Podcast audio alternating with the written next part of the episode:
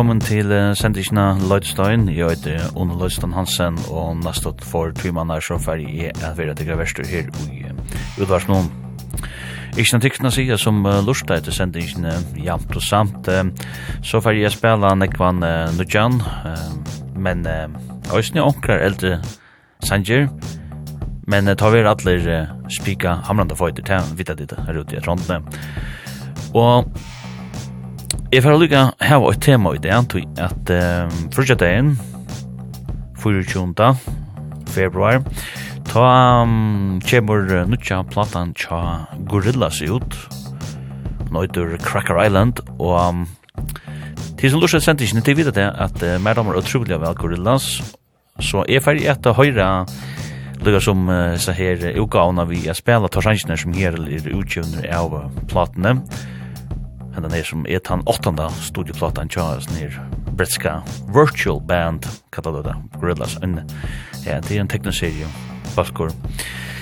Så um, tenk om du glida deg tid, jeg får gjeta på den måten at jeg får spela ja, Trutja Sanger, og så kom jeg inn middelen og tåse, men øyne tog noen tre med som jeg får spela, det er alltid en Gorillaz sanger, Først får jeg spela den utjo, og så kom jeg inn vid, ja, tvøyna største og hitten og kjøtta om til sørst.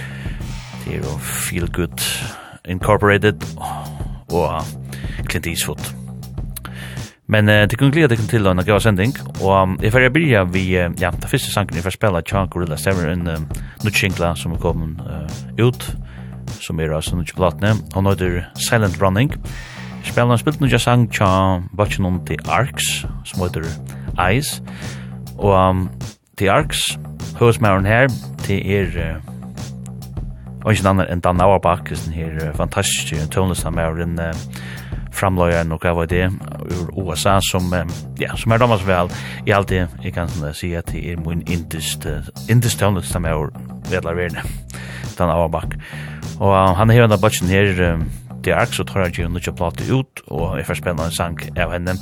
Plata kallas annars for um, Electro Phonic Chronic alltid alltid fick det rätt. Först det Det är ju schysst så. Men eh vi får börja vi en Sanjay Cha en en uh, man som heter Kevin Morby och um, kvar vi hörde den här Kevin Morby så um, stäger alltid av och lustar kvar är det heter här. Och jag har så valt att ta en Sanjay vi vi sände inte. Eh tala ner om en amerikan som är fulltid var gammal ur uh, Lubbock ur Texas. Jag har alltid spalt han också för vi sände sändisne men eh Det er så mye godt det her, Tjånen. Og jeg får spela en nødja sang til hånden som heter And This Is A Photograph. Og det er av um, en nødja platt Tjånen, vi ser man navnet, hun kom ut i 2022, den er platan, og i mai 2022. Det kan man vel også kalla for nødja, det er alltid. Men tjekka det ut, det er alltid er spika hamna for 8, 18 år. Det er så hører vi til Gorillaz og så til Arks. Men, um, Kevin Morby, This is a photograph.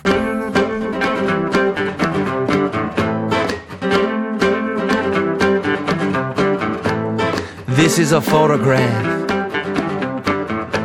A window to the past. Of your father on the front lawn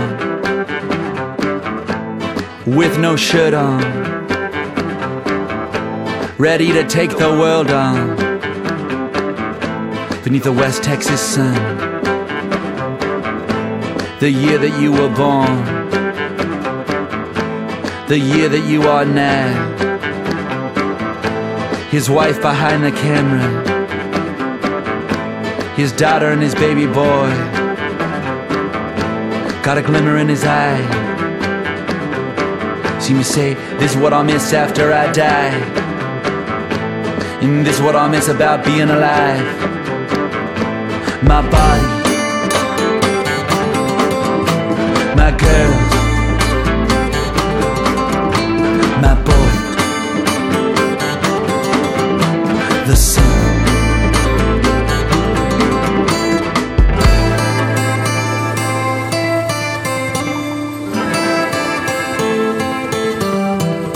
Now time's the undefeated. The heavyweight champ. Laughing in his face as you dance like Sugar Ray. Used to be come on come on. But now no mas no mas. Used to be come on come on. But now no mas no mas.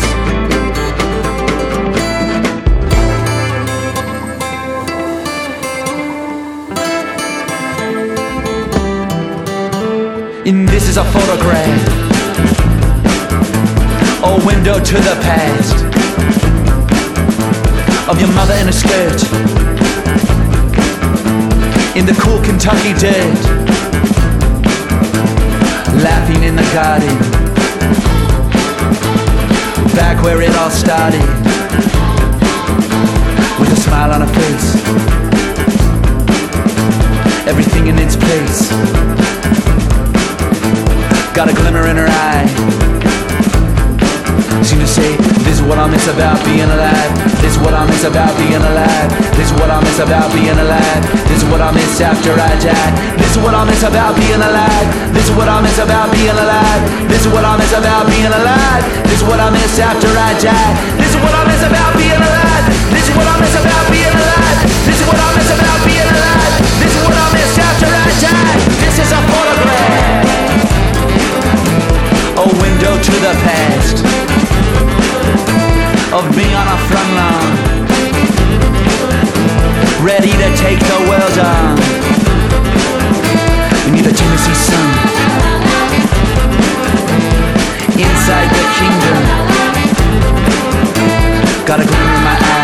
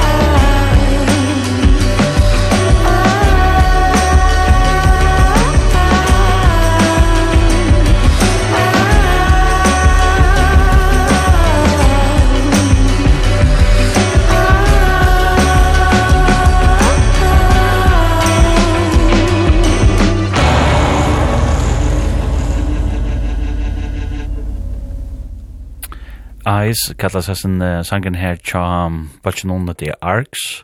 Spilt nudj sangur av uh, nudjar plato tja The Arcs som utur uh, Electromophonic Chronic. Haldi, det skal uttalast, jeg haldi fekk at det rett og hessa fyr. Og en plata som kom ut uh, januar, 20. januar i år. Og um, det som stender 8-4 er her Bachin under the Arcs, det er ikke annar enn Dan Auerbach, her um, amerikanske tøvnlesen med og tannlager framanlager som er damer så veldig vel. Og um, han har her platan her røsten opptidig nu hans har ECI Studio, eller ECI Sound Studio i uh, Nashville, og platfellation som heter ECI Sound til her som giver platen ut. Og sånn er bakken her, uh, The Arcs, til er en uh, bakker som um, Aver hefur givet en av platet som heter Yours Dreamly, og hon kom ut i 2015, Men uh, Balkgren um, stekker sin drop, kan man säga, eh, og i 2018 tog at eh, det sikkert hendte at uh, en av limen noen eh, som uh, Oida Richard Swift, han døg faktisk i 2018, og det gjør det så at, ja, vi der skulle boja det meste er jo åtta år og en halvtid år vi finner å uh, nødja blato fra The Arks, Men uh, det er väl rockan som garage rock och short rhythm and blues uh, psychedelic rock og det. er. Og um, ja, alt som den av bakken uh, rører vi eller nærste vi til halvt i er veri til å Rona godt, hvis du spiller med og tog spiller han så ofte i sentingen. Og her har du om, altså, det er noe sang sangen Ice tja The Arcs, så har du vidt, og spilt noe sang fra The Gorillas, som er Silent Running, og en uh, sanger som vi har finnet av nødj platen tja Gorillaz som kommer ut frutja dagen som øyder Cracker Island. Jeg feirer seg her utgavna, tog at det er i en risa Gorillaz fjepare, så jeg spiller alle tar sannsjene som her til kommer ut av uh, uh, platene, og så lett jeg sin retreat. Så la oss være en sangur per uh, trutja sanger, det var en sangur vi gorillas, Um, så vidt det det, men uh, jeg halte sjåre at det er så hamrande fort at, uh, at det er bilder ikke Eh och han är plattan som kommer ut som åter Cracker Island hon ett han åttonde plattan tja Gorillas som ja som var stående sätta nu under 85 så att det under 85 blev det här husgott vi snir virtuella batch någon eh ja sätta stående och ett stund ut i korset Og det var bare ett år at han att det var en album som er åtta med han ui i Gorillas att han var i fyrjun og spalte en konsert i Höllen i Holse samma vi Bachin Chas är blur. Så ja, jeg vet inte man om man finnes något huskut om at jeg var Gorilla i färgen. Jag vet at det är en dokumentär om disse konsertene, eller konsertferiene som tar var blur som 50 om färger Grønland og Island. Um, ta ta seg i øynene av Libanon om at färger var en jungla utan uh, Og den tror jeg. Jeg vet ikke hva, hva han finnes derfra. Det var ikke langt i landet, men han er jo, ja, ja. Og vi som var, eller vi som er kom nok til å minnes når kjenner Sjelheim, så i følgen, vi kunne kjenne en djevn rett.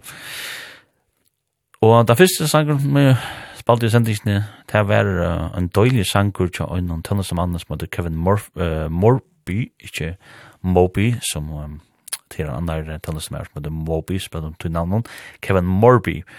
This is a photograph kallet sangren til høydes lei av en plate tja, sånn her Kevin Morby fra 2002 som kom ut i mai, og jeg helst over at det er er virkelig fått um, tannlegger tja, sin her fyren her. Kan bare vi malast, for jeg lusten, hvis du nom det her.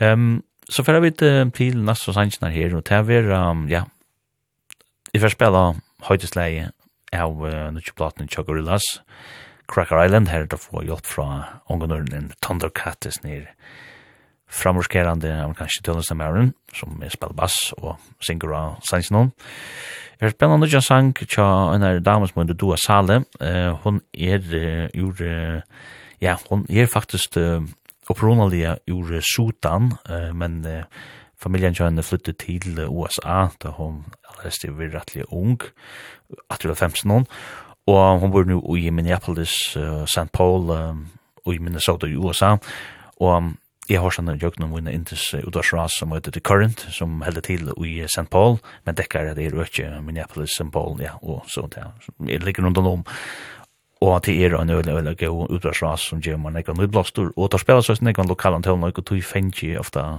ja, eh tonlock som kommer härifrån Midlanda Lizzo som är blivit en stor stjärna nu han har fingrat han vid inne och att det när var det 2013 förstan då hon en vär ja inte så känd som hon är nu nu är hon en Grammy vinnande en tonlock kvinna som jag blir jag blir så beskjuten allt jag måste säga men det första sangren Det er en sangur vi en er dame som spiller spelade namn uh, Samia, eh sangen heter Amalia. Ehm men eh Samia er en spennande dama som kommer ur Los Angeles i California. Hon er 60 år gammel og Øytur Samia Finerti, eller Finerti, Finerti, ja, Finerti. Jeg vet ikke hva ordentlig um, papen at det skal uttales Finerti, halda dette må lua til. Um, hon er um, uh, ja, libanesisk-amerikansk uh, tøvnløsa kvinna, um, til at um, mamman hon var ja, hei røter til Libanon, med en papen i Amerika med år. Så, det er ganske, har, jeg vet ikke om har satt men um, det er spennende, det er alternativ rocker, indie rocker, og um, sang som jeg får spela, Amalie henne finna, henne er plata som heter Honey, som kom ut i januar i år, og til henne er, um, ja, til andre uka hun kjenner. Um, Først er det The Baby, og hun kom ut i 2020. Men uh, la den klare til, jeg kommer uh, Samia, vi sender noen Amalia. Who's that?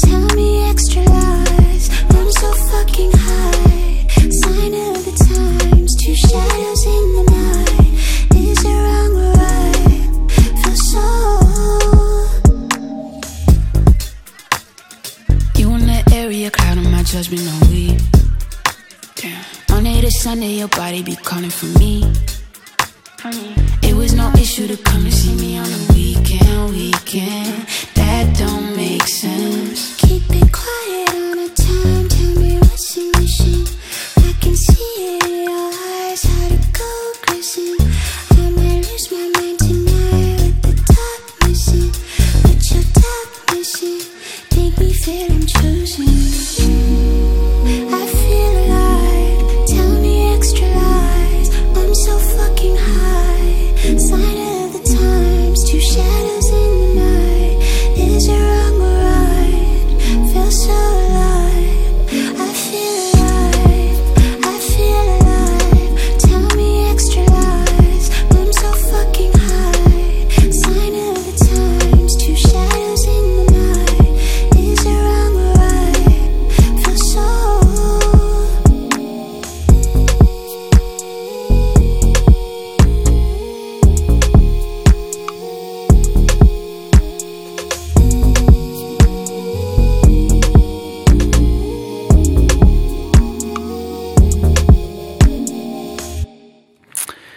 ser en spännande amerikanska sudanesiska tonesta kvinnan eh, Dua Sali her vi eh, Sanjinon Chosen.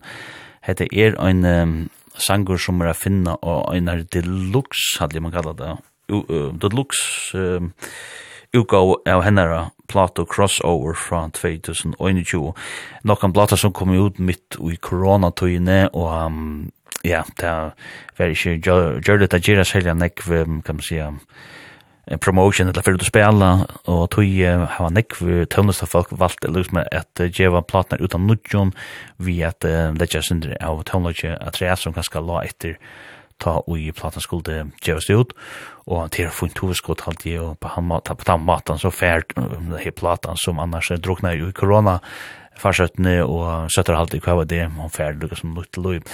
Det her er um, uh, tria EP in tja seg her, uh, då sa alle under givet tria rut, nord kom i Nujan og Rosetta i 20 og så crossover i 2021. Og han hever en selja, han her hever en sælja søvn, han her damen, du er sælja som nu bor i uh, Minneapolis og St. Paul i uh, Minnesota i USA, tog at uh, hon er opprunnelig fra Sudan, men uh, eh, familjen nødvendig å flytja undan eh, krutje her, og, og enda så, ja, og, ja, ja rettla lenga fyr, må man si her. Eh, det kallar det fyrir, ja, den borgarkrutje var her i Sudan og i 15. Hadde vært i Eritrea og så North Dakota og Maine og Newark og New Jersey er til enda i bojarparsen Rondo og i St. Paul i Minneapolis. Og hene hever hon så byggt seg opp annan her, og det skulle ikke undra meg om annan her veri da nasta større navn ur eh, Minneapolis og St. Paul annan her, hon hever hon hever klassen den her, det hever hon bare minne meg, jeg vet ikke om minne meg bare som det som, men her er et landa som eh, ja, der har den her X-faktor alltid som som man leder efter i så här när jag så tar jag sent inte var sent som ja til det er man finner X-faktor til, vet jeg. Nå, men dette er fra. Um, Arne, har du har Sale og Chosen, så har du vidt um, høydesleie av Nutsjeplaten til Gorillas, uh, som heter Cracker Island, og kommer for Jadain, for Junda, gleder dere til det, til gir. Og, og jeg sannsyn her vinner hjelp fra Thundercat, den dårlige amerikanske tøvnene, som mannen som spiller bass og sang, og jeg sanger noen Jeg høyre, så platen har hun liksom tema, i sendisene. jeg har en fem sanger eh, av henne, kanskje seks, og uh, spela dår som jeg har, og så litt jeg rett for noen gamle nytt, og tjadam nøysene. Så en sanger per tre sang, og i sendingen er en gorilla sanger, så vi det til han. Det første sangeren til var en deilig sanger tja en av uh, tøndesta kvinna som heter Samia, som er nøylig er kommet fram av, og sangeren kallas for uh, Amalia, og sangen var å finne, eller er jeg finna henne er en nødvendig plat som Mødre Honey som kom ut i januar i år. Og ja, det som jeg har fra seg her, damene ur Los Angeles, det er uh, spika hamrande fått, så her er bare færre lort av hvis du kom det her. Nu færre sjån døs han spela, eller atre å spela, nu jeg sang til Grilla, så jeg får spela Skinny Ape, tja døymon, ja, nu jeg platne Cracker Island, og Jeg spiller en uh, eldre sang tja Spoon, fra, en sang fra 2005. Jeg hørte han nylig en sang nere om domden så vel, at uh, jeg helt at jeg skulle tenke vi ikke om han ikke er nødvendig. Jeg er ikke, kan man si, så reale konsekventur, som jeg tar noen gøyere som spiller igjen om han er nødvendig, eller man sjå han det, er mest er at du er nødvendig til noen spiller, men um, I Summon You kalles en sangen her som er fra 2005 tja Spoon. Men det første sangen, det er et, uh, Og så har vi ralt hit tja en uh, unge kanadiomann som spiller under navnet Talk. Sangren kallas for Runaway to Mars og er en øyla øyla sterske sangur uh, som uh, vi sunnkjen er en øyla sterske uh, sangara og sangskrivar. Nei, for en uh, som spiller under navnet Talk, han hever tidsi en lukka som var sindra oss nere gamla uh, glam rock um, eh man kan säga och i men när lam rock on fra David Bowie sin direkt och klattan stol och sen att hula holan som i halde man eh heje ta ju fashion under glam rock när var i hade det det är simpelt inte in i 2003 och ju den här fantastiska sangen ut. Och Det er er en vant i en, vi han ikke långt er en superskjønner, så er han vel avvist å bli at snir unge kanadien som visst nok er 25 år gammal som spiller under navn noen tak. Men den gjør det her, um, and den er sannsynir, sann og øyder så mykje som Runaway to Mars.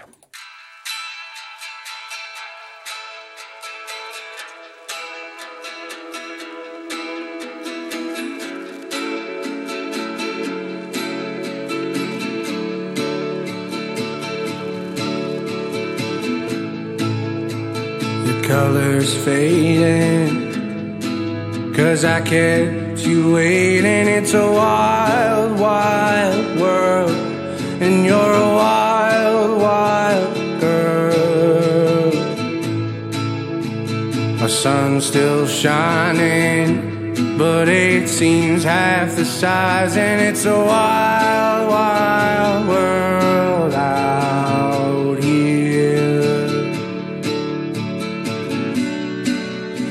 for my time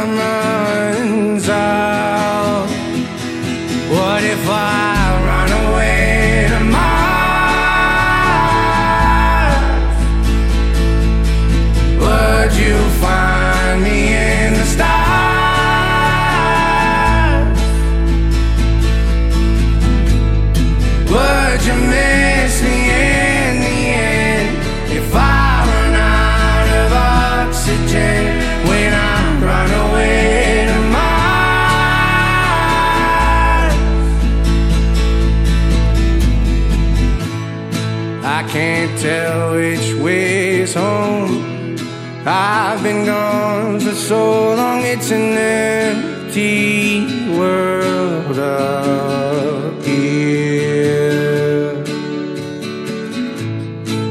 I skip stones and wonder How long till I'm discovered. It's a quiet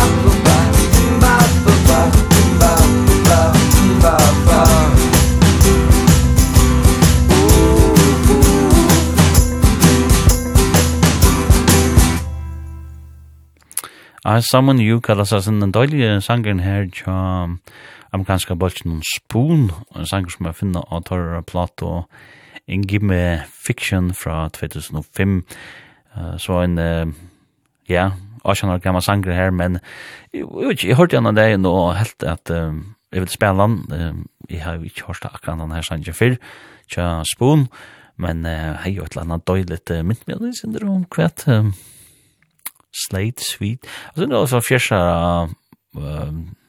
Mo vibe, eller man kallar det det. Kjensla ut i vi kassa gitarren her. här. uh, tonlager her fra Spoon. Arne Tals, hørte hörde vi um, en annan fyrir Gorillaz, og här som vi var da vi uh, spilte nu singlene som heter Skinny Ape og en uh, sanger som er å finna av nu platen til Gorillaz, som heter Cracker Island som kommer ut uh, från jag vet inte om det gleder ikke, men är ju i Øtland Føren, så de få alle som att det är singlar som er kommer ut av tog platne det var spalter, um, og sendingene, og så sendret det, så kan si, kan si, det tema i sendingene.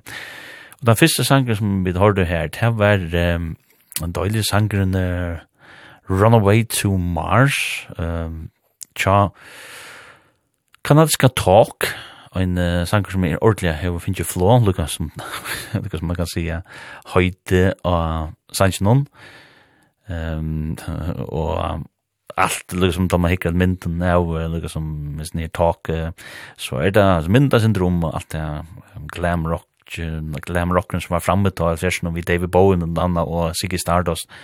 Ehm han uh, hva sier man, han uh, tappar sin inn i det, vanlig først, men uh, lett affæra, han uh, ja, lener oss under fra tog, og jeg liker øyla vel, og det er en lekker sanger, og en øyla lekker rødt, og en uh, spennende unge tannløste mann, som visst nok øyder uh, Nick uh, Dorcher, um, og ja, han er som ordentlig, uh, finner jo vindu under seklene, er avvis til uh, papphevmalen, uh, uh, vi er sannsyn her, uh, Runaway to Mars.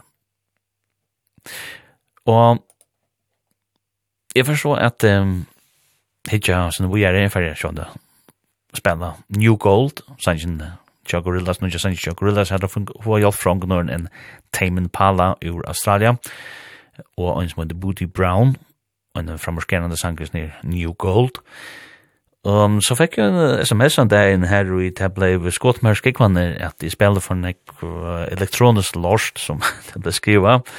Uh, nu skal jeg ikke avdugge vikommande, men det er en en uh, døylig dronker som han sier som skriver til munn og malt meg til å spela en tålag til en som heter Billy Strings og Og jeg må bare vikenge at jeg visste ikke hvor Billy Strings var Arne fikk uh, se bøyene til å komme, og jeg vet ikke om det var mye nått, men gussier, klokkan var gussier færen fram vid midnatt da bøyene kom inn av telefona. Og jeg først og stelte her Billy Strings opp og finnes ut det av at, uh, at her er uh, en uh, tredje år gammal um, sånn bluegrass tøvnlesamøver ur Amerika som hever vunnet en Grammy at i 2021 og jeg må si akkurat som er, at det som jeg hørte av Spotify, da jeg lurte det, var, det var særlig godt. Så jeg får spille en sang tja, sånne Billy Strings her for Jolfrøen som heter Luke Combs, og hun er større støtten og her i vrem, og tar så spille en sang som heter The Great Divide. Uh, men den første sangen her, det var en sang som heter So Long, og det var vi en av dame som heter Danielle Ponder, Hon er sin där särlig än her, hon har en särlig söv och inntil her nyligen så var hon um, public um, defender halt det det ikke är sån ett uh, sækfører, hvis, sakförare hvis folk ikke har rå at uh, betala for, uh, ja då hvis det var, hvis det kom av i jeg skulle rette inn, um, så kunne få en sånn public defender. Og det har hur den damen arbetat vi intil nu halte i halt hon affären i fjørte, sånn det, eh det först fra å være en sakförare eller advokat till att vara sankarperson i något hon er veldig vision og i tonliga livet men omgang du satsa på att men det gjør hun så nå og kom i godt selskap ehm det fallet som arbetar med Billy Eilish og de kjenner under såna vanjorna Og det gjør veldig spennende det som James Root det er enig døme på at her og jag sa at folk ikke blir upp det för det kommer vel til oss og Sjón det är man kan sitta och också det är sindre men heldur sant en ångat kan man sjá og hes för er absolut här. För det sanger som Jimmy han heter Sjón Ang och ja, jag kommer Daniel Ponder.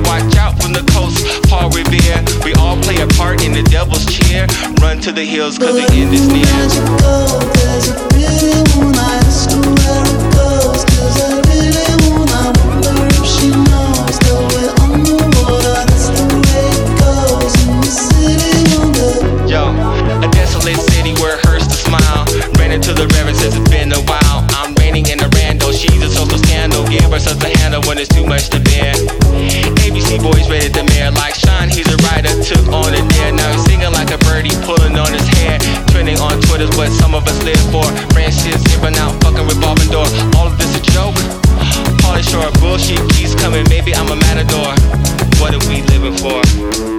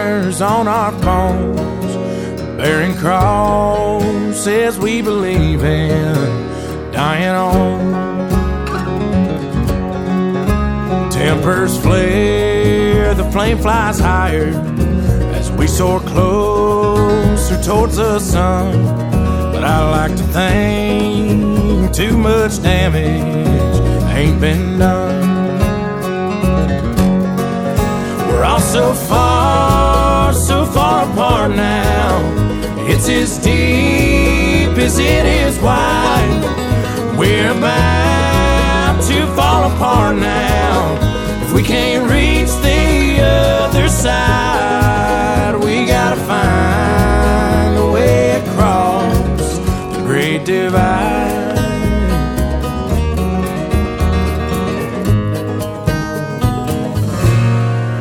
Sometimes it seems that our convictions Side of the fence that we stand on makes us all too damn different to get along.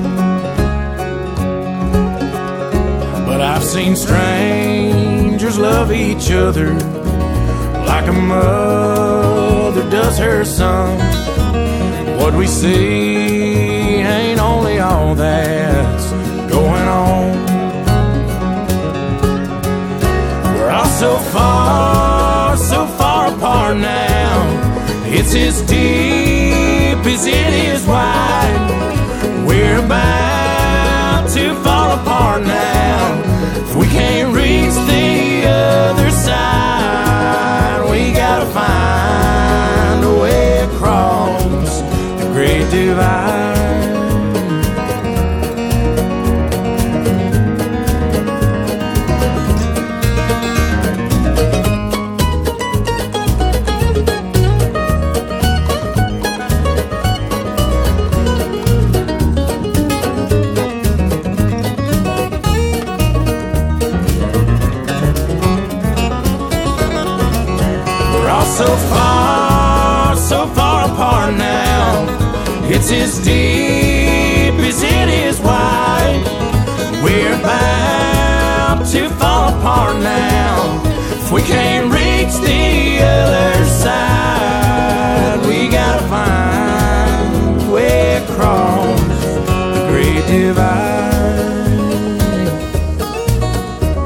do I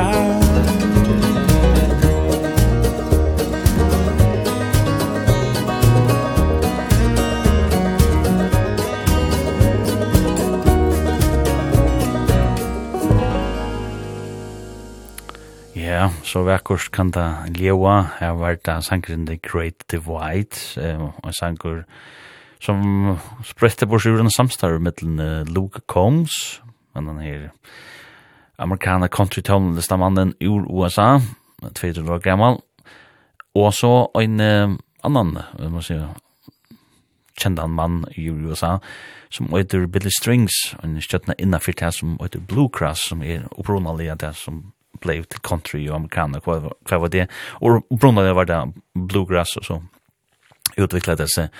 Og hans her Billy String, som er en 30 år gammal mer, han diskar det her, og hever vunnet Grammys og gav det fire, og just det her. Og her i 2021 funnet Torborg saman, Billy Strings og Luke Combs, og borsi urkommes ni fantastisk sangren som heter The Great Divide, som um, jeg tåsar om med det her, det kallar det for tribalism, og sunder uh, leasing, og jo, hada, ta maten som man kanskje samtlige blei, til jeg sunder, ja, sammanhållet brast kan man säga och, och te var törvor och alla tar fullt och gusse törvor att göra varstri att det man måste som har hålla samman steg för det och krutcha små kon rör men ta ju mig koppar så tui det här vi så så går sig men ja spännande och gå sen går i grundligen är för att efter tonage av Billy Strings för att det fikk en SMS på skoj med en midnatt en her fire og jeg var en go vinner som um, visste jo at um, jeg spalte for noe Jeg fanns på for en elektronisk lort, som det er mye da. Jeg kan ikke vite, men da var øyla vel elektronisk kontelnok, så halte meg gøyere. Men jeg halte noe også at uh, min telnok av smaker, eller smaker, som man nok sier, så først er øyla brøyur, men da var òsne vel uh, akustisk akustiskan, ja, amerikana telnok, og her har du sin der bluegrass, og og man da rock, man da var sin der kvar. Så det er ikke så anfalt at är bättre spela elektronisk kontroll. Men så ja jag vill gärna vi kan att uh, man damer öle väl. Elektronisk kontroll och snä och kanske jag vet ju om kanske spelat det tror kanske inte annars spelat det här utvars men kanske det tog i hettelsen ta vägen. Hur vet? Ehm men ehm tack för det här så här som ja at det tipper kan man säga att jag kände inte den här Bill Strings Iron if jag fick det så har jag den. Iron har då The Great Divide så har vi det Sanji New Gold det var Gorillaz samman med Tame Impala och en som Booty Brown eller har slay en nutch plot och jag Gorillaz som kommer ut för Jadain som heter Cracker Island och hon är en Cracker plata. Glädje till henne och ja, hon var fire här i sändningen väl och vilja. Och så första sangen heter var sangen So Long John Daniel Pontor en dama som uh, er nøylig kommet uh, fram av. Um, ja, hon er ikke vært nevnt man har funnet og er nøy til, hon har annars arbeid som, uh, som sækfører faktisk, inntil ja, hon er ferdig på bøyde fjørt, og nå har hun som valgt å satse på å være tøvnløse kvinna i stein fyrir, og det er alltid jeg, jeg har gått som et godt hoskott. Ikke tog at jeg alltid det, um, det skal nok, nok snakk til, og man tjener lukkende penger som tøvnløse folk, uh, ja, i måtte la være sakførere, public defender her i USA. Men um, hvis man har en dream, så må man også fylle John om til at Løyvi er åttans, og det er stort, og til at kongen kjøtt, skal jeg altså si. Nå, men uh, nå er det inne i vi, uh, ja, fisk, ja, fisk, det er Mora Gorillas, um, jeg vil spille en sang til at så er det Baby Queen, er hun ikke platen til at Cracker Island, Så var spelande sang ta en en bulge ur Brighton i England som heter The Heavy Heavy. Og heter en bulge som er veldig alvorlig. En boina genga, en tonlistelig boina genga i USA for ja, gå ummelde, gå ummelde og vi er nek spaltor, og det er alltid godt til at det er en rysa marsna, og hvis man vil eh, gjerne nekka vi tonlagen, så hvis man kan få av føttene om i USA, så er ja, så er nok som vi har sloppet. Um, så den sanger tja, nå sanger tja, Heavy Heavy, han heter Go Down River. Og med landa, og han her i Indus Ras, som er The Current, som jeg nevnte for sendingene, uh, The Current i Minneapolis og St. Paul, så har var det en hitlista, alle de 15 blir best, og halvtid som man hei og i uh, utvarsmål fyrr, så ligger snir sangren han nummer 8 på nå. Men uh, det første sangen her, det er så, så det var av uh, country americana. Nå, uh, ja, nå hadde vi det Luke Combs og Billy Strings i Janne. Jeg får spille en uh, nødja sang, eller nødja single av uh, nødja så platen til First Aid Kit, den her uh, svenske balken som er damer som vel, søstra balken, vi Johan og Klare Søderberg. Uh, Turning on to you. Um, og ja, man gjør sånn her. Musikk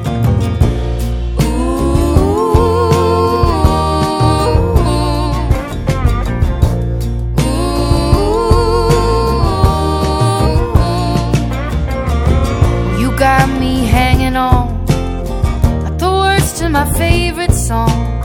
Like the night turns into dawn I'm turning on to you.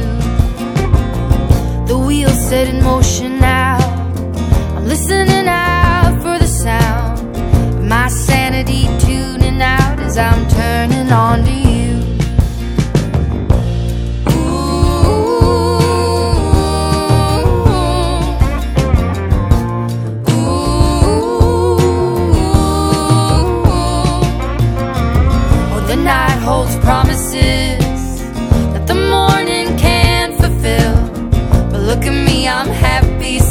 if I'm turning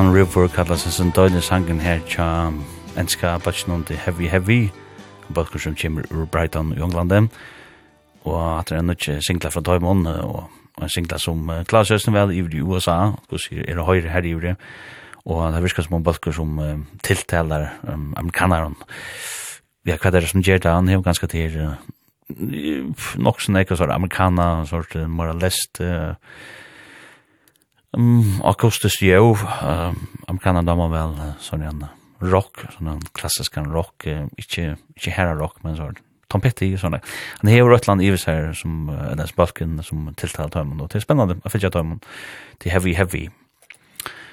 Og når vi tar til det heavy, heavy, så hørte vi det Baby Queen, og det er singla tja Gorillaz, og sanger som jeg finne av platene Cracker Island, som kommer ut frutja dagen, og som er tema i sendingen i spillet tonelager av henne, og hatt er så den sørste den sista singla som er kommet ut av platene. nå må vi boja til første dagen for at um, høyre resten av og tenk glede min stil i halte skulle vi etter Sanjiro.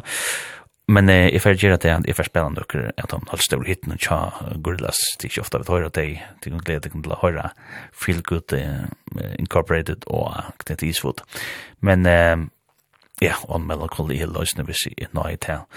Men eh, Det første jeg snitt med sanger som Palden Nugøy, det var Turning Onto You, og det var uh, en uh, nødkjengle av uh, platene til First Aid Kids som heter Palomino, en døylig plata som jeg har spalt uh, flere sanger av i sendingene, og de som er lurt til sendingene, de vet også at omframt at Dan Auerbach til dem som er spalt før i sendingene, ur Black Keys og og um, uh, ur The Arcs og Ørn Balkon, uh, han er en sånn indisk tonelager, han er tonelager, han er tonelager, tonelager og tonelager framlager, ja, så er det sier første kid, og sånn helt der oppe, det tås om balkar, eh, systrarna Klara og Johanna Söderberg er og nekka halt særlig halt i e, og det er glett meg utrolig enn om onka kunne finne tidsje tidsi saman og finnes det fyrja, i halde, ja, kanskje det er GF-festivalen ekten som vi alltid der, i halde det, det er ganske vi her der det passer best inn, ganske norrland hos i høysene, men ja, leta færa.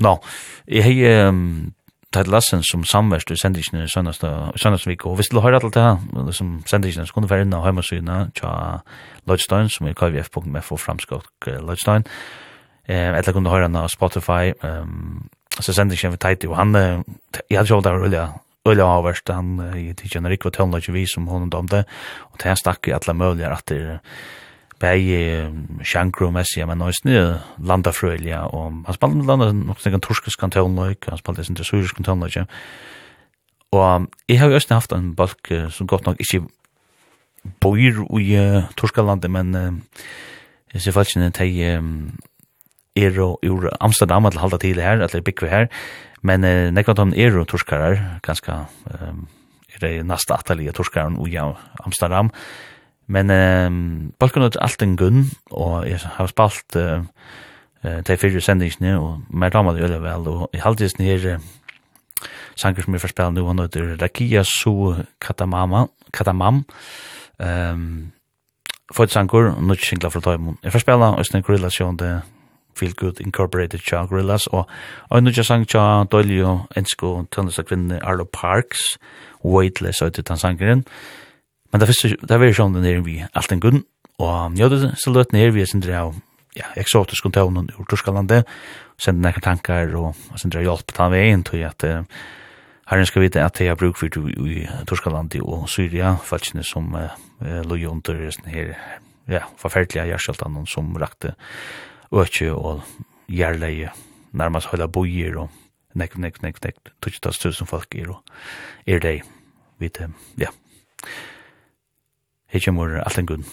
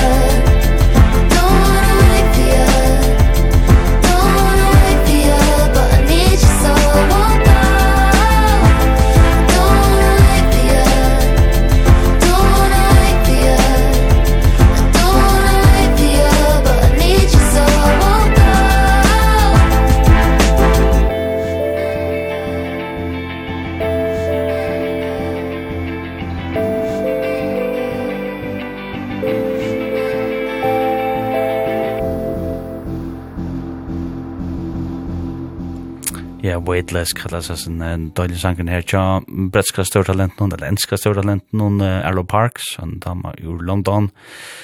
Hon er blei hon, hon er ångstan første tjoen, eller miskøys tjoen, og er en som, ja, i halte man skal vanta seg nekva, og hon, hon forbæra vaksa seg større i halte i veve. Og Arlo Lord og Arlo Parks, så hørte vi det døylig sangen Feel Good Incorporated tja Gorillaz, ja, hade ett av största hittet tja Gorillaz. Ehm visst ni basken som var stående hållt att nu John Rottlevems. Visst ni wish to edle tekne ja, teknerus basken tja Damon Albarn og Øron. Og som kommer ut vi når nu tja Plato Fridagen som heter Cracker Island. Åttande platan tja Gorillaz jeg glemmer ikke å høre hva det er å finne av to platene. Så vil jeg, da første jeg snir, tre med sangen her, det var Snir hollandske balkgrinn vi torskeskon anon, um, Altengun, og Rakia so Katamam, og et sangrin, um, ja, og ta i man høyre sånn en torskeskan tøvnlag, så og saman nøysni om teiv, neier, neier som Eh ur Torskalande som uh, helda så ringt i sin døvn uh, nu ta i hesten i Hervil Gjerstolten rakte bæg i Torskalande og Syria. Øyligt, øyligt, øyligt skil er ivre. Nå, men um, vi får att lägga snarskan sända någon för spela några sanger i träet. Vi får spela ja, vi får höra Austin Clint Eastwood, Chuck Gorillas, Austin en klassiker ju tar Så får spela nu har jag en plats nu Jans med Palomino. Nu får spela en sang med Palomino och det var med Gemma Hayes som uh, framför den sangen där. En Ja, og nu er en sant sangur, døylig sanger fjell i jures Det første tar vi en sang som heter ikke gorillas, men bare gorilla, og det er også en spennende ensk dama som hever nekvan frambor løtne, Nå nevnte jeg Ardo Parks, men Little Sims er òsne, vi er blevet holdt, holdt uh, kjent, uh, det gong bare òin vi kjenne, de er opphettene, og det er langt høyra, enn det sannsynlig kjenne som heter Gorilla.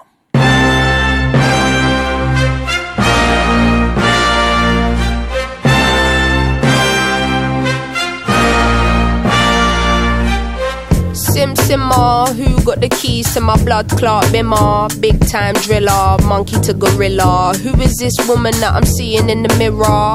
Drink 42 and smoke cigar. Name one time where I didn't deliver. Silent figure, I was just on the ends, dropping gems with my friends. I got a 3310 and a pack of blems. Then got the gold full black, circle back again. Rapping when nothing progressive was happening. Ooh, pain tolerance couldn't break us. Pay homage if you respect respect how we came up. Cool, cool. Trying to get to the PayPal, hitting from Jamaica might do me a favor. True. Big simmer, dipping 10 toes in that ice cold river. Bank got bigger, been a different species. Tunes in a locker, been waiting to unleash these. It's a no show if you can't guarantee fees. I ain't got one threat to consider. Heaven and earth attached to one pillar. One, one.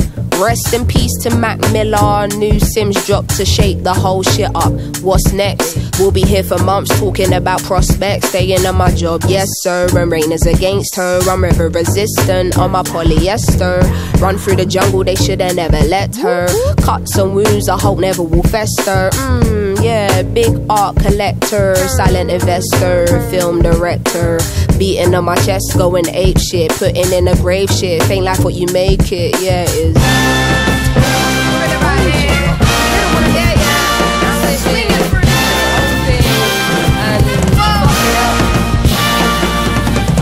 er through the jungle in a all black fitted hat low incognito living. Introvert but she ain't timid. My art will be timeless. I don't do limits. No. be very specific when you talk on who the best is. How can I address this? Basically the rest is almost like to me what a stain to a vest is. You ain't dropped nothing in my eyes I'm impressed with. Please don't be offended. But I'm not in the business of pretending. I've got lines if you wanna get renting. Or find the agony on and get venting. Stop flooding my mentions with bullshit Talking on Sims like she's someone you went school with Awkward. From day been the cool kid Rap starts hope and faith from restoring Don't ask my opinion on shit Cause to make you feel good about yourself is exhausting. I got bangers out in the world soaring And I got bangers in the vault I've been hoarding. Yeah, true, I got tennis in the morning Before I start swinging, that man's gonna need a warning. Red light whenever I'm recording Red light on the forehead of the informant. See, I'm the only one on Gorilla. Sims is back here, yeah, just got Rilla, yeah. No choice now but to fill us. I know the streets will love it like I brought my skin off. So simmer down, little homie, simmer. All that talk get you rubbed out quicker. I'm cut with a different scissor. From the same cloth as my dear ancestors. That's why this shit gives you the shivers. I'm that cold. Higher. Going higher. Higher. Going higher. Higher. Yeah, we are. Higher. Say what?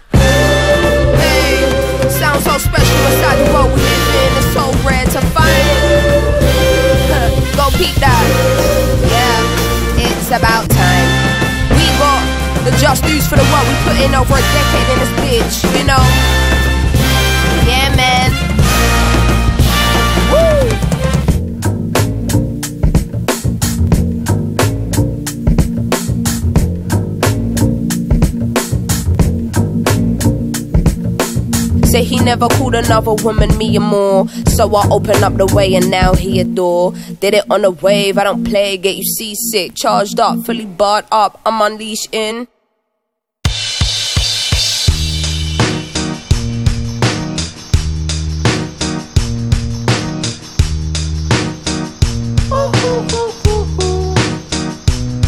I ain't happy I'm feeling glad I got sunshine in a bag I'm useless but not for long. The future is coming on. I ain't happy I'm feeling glad I got sunshine. In a bag I'm useless but not for long. The future is coming on. It's coming on. It's coming on. It's coming on it's coming on, it's coming on. It's coming on. Finally, someone let me out of my cage Now, time for me is nothing cause I'm counting no A's. Nah, I couldn't be there. Nah, you shouldn't be scared. I'm good at repairs And I'm under each snare. Intangible. Bet you didn't think so I command you to Panoramic view. Look, I'll make it all manageable. Pick and choose, sit and lose All you different crews. Chicks and dudes who you think is really kicking tunes. Picture you getting down in a picture tube. Like you lit the fuse. You think it's fictional, mystical, maybe. Spiritual hero who appears in you to clear your view yeah. when you're too crazy. Lifeless to those the definition for what life is. Priceless to you because I put you on the hype shit. You like it? Gun smoke you're righteous with one talk You're psychic among no possess you with one go. Hey, I'm feeling glad I got sunshine In a bag. I'm useless But not for long. The future is coming on. Hey, happy I'm feeling glad I got our sunshine In a bag. I'm useless But not for long. The future is coming on It's coming on It's coming on It's coming on It's coming on. The essence, the basics. Without it you make it. Allow me to make this Child like your nature. Rhythm, you have it or you don't. That's a fallacy, I'm in them Every sprouting tree, every child of peace Every cloud and sea. You see with your eyes and see destruction and demise. Corruption in the skies From this enterprise. Now I'm sucked into your lies through rust So not as muscles but percussion to provide. For me as a guide Y'all can see me now cause you don't see with your eye. You perceive with your mind, that's the end. So I'ma stick around with rust cuz and be a mentor. Bust a few rhymes so mothers look up remember what the thought is. I brought all this so you can survive when law is lawless. Right Feeling sensations that you thought was dead. No squealing remember that it's all in your head. Hey it happened. I'm feeling glad I got sunshine In a bag. I'm useless. Not for long the future is coming on. And it happened. I'm feeling glad I got shag in a bag. I'm useless but not for long my future is coming on it's coming on it's coming on it's coming on it's coming on. My future is coming on it's coming on it's coming on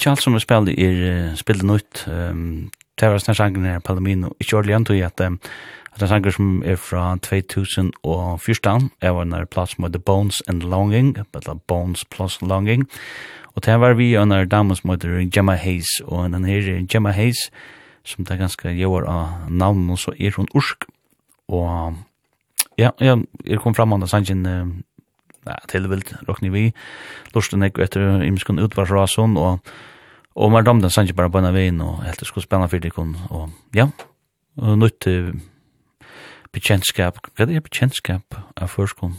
Vi har ångt, vi har bare ordentlig år for det er sånne ting som man hører dansk, og man tittar det svekker av til at ångt er det bare nemmere å bruke sånn i år. Jeg har alltid til man kan, kan man ikke ræfa sånt under havna språket, det er kallet det bekjentskap, det er alltid man sier, det er alltid man sier fyrir før. Anyways, Gemma Hayes, Palomino. Så har det vidt Clint Eastwood, John Gorillaz, klassikken John Tøymon. Nå vi feirer til at hår. Og først at den kommer vi når spiller noen kjølplaten som heter Cracker Island. Jeg gleder meg, men jeg var nøst en DJ. Så er det Little Sims, og henne er en sangur gorilla, og den her Little Sims, hun er en dama som hever ordentlig vindu seklen, og um, sangen er henne er 2022 plat som heter No Thank You, og en plata som kom ut i desember, og Det var visst nok uh, femta platan tja, sier Pretsko. Ja, hun har nevnt som en rappare, en Little Sims. Og jeg tror at, uh, ja, øyla, øyla spennende dama, og det virker som om, 8 år gammel der ja, Little Sims, det virker som om hun uh, vinner seg fram i, vi, uh, tjej mulla fer som allt man skulle säga blev man stanna för innan för kapror och sånt. Ja, jag följde nu alltid i mig nu så alltid för det var att att i ju med svönen så lät det kunna få fri för det nu rollen här och jag förspelade touch sanger and där och det var alltså en sanger vi vid Jayhawks Helt kjem bonus nutt shankers ner, um quiet corners and empty spaces. Um helt den er fra ja, den tår ikke Gita. Jeg minns jo det man til etter kjenner shankers og John J Hawks men han go sangur. Jeg først spela on Melancholy Hill tja Gorillaz, og snæ en klassiker kjenner dem Og da siste sangen jeg fyrir spela her det var en fri eller røyn, en sjong til tja dikkon som lorsta. Lana Del Rey er en donalig, en ganske tølleste kvinna, hun er just en nødja plato, Og det er høytsleie som heter Did you know that there's a tunnel under Ocean Boulevard? Og ja, øyelig hodtekkende. Og hvis du vil hesa hese sendingene, um, eller endre høyrana, og er sendingar av Lødstein, så kan du finne høyma sønne tja sendingene som er kvf.f for framskak Lødstein. Og um, sendingan ligger også Spotify, for jeg lurer her ute, Og så har jeg en Facebook-venka som et lødstøyen for og dame i han og kommer i rus i røs i gøy og nådskolen alltid kærkomme. Og jeg kan uh, fortelle deg at det er spennende ting og vant til for, for sendisene og at uh, jeg var et langt nå at kjenda mars da verur uh, ikke annet enn hans Marius marisiska samverste sendisene og det hender samband vi at han uh, han tutsjena fyrsta den tutsjena mars utgjør uh, sunna nutje plato Da kommer han å være live i sendisene. Bøynøys, gleding til det. Og jeg vil løsne til at um, uh, FAI er av vidtjander, um, som jeg tenker å glede deg til, til bare øyne fløyre. Men uh, vi snir sier takk for meg, og alt det beste, og ansen vel etter en her ute, hva signer vi til. The sight, the wandering eye has hope. stay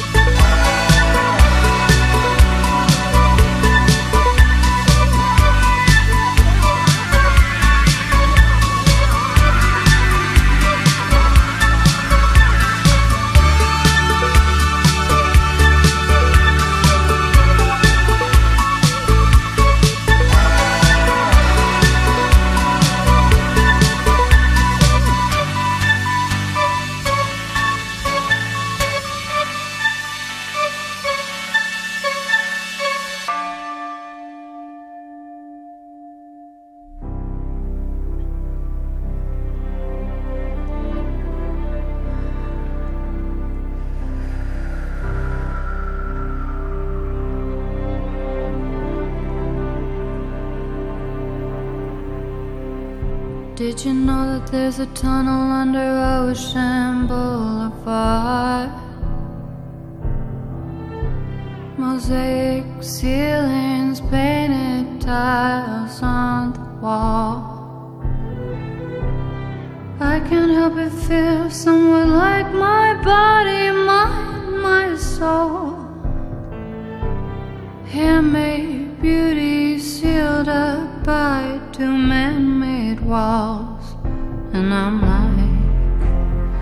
When's it gonna be my turn?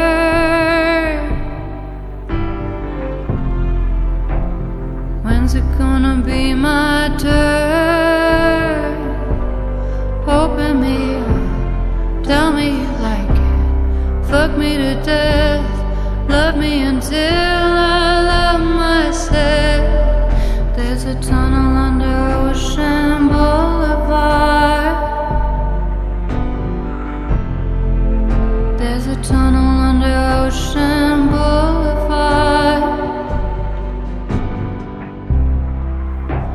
It's a girl who sings Hotel California.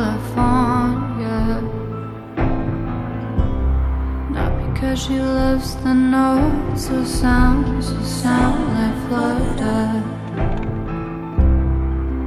It's because she's in a world preserved Only a few have found the door. It's like Amarillo, only silver mirrors running down the corridor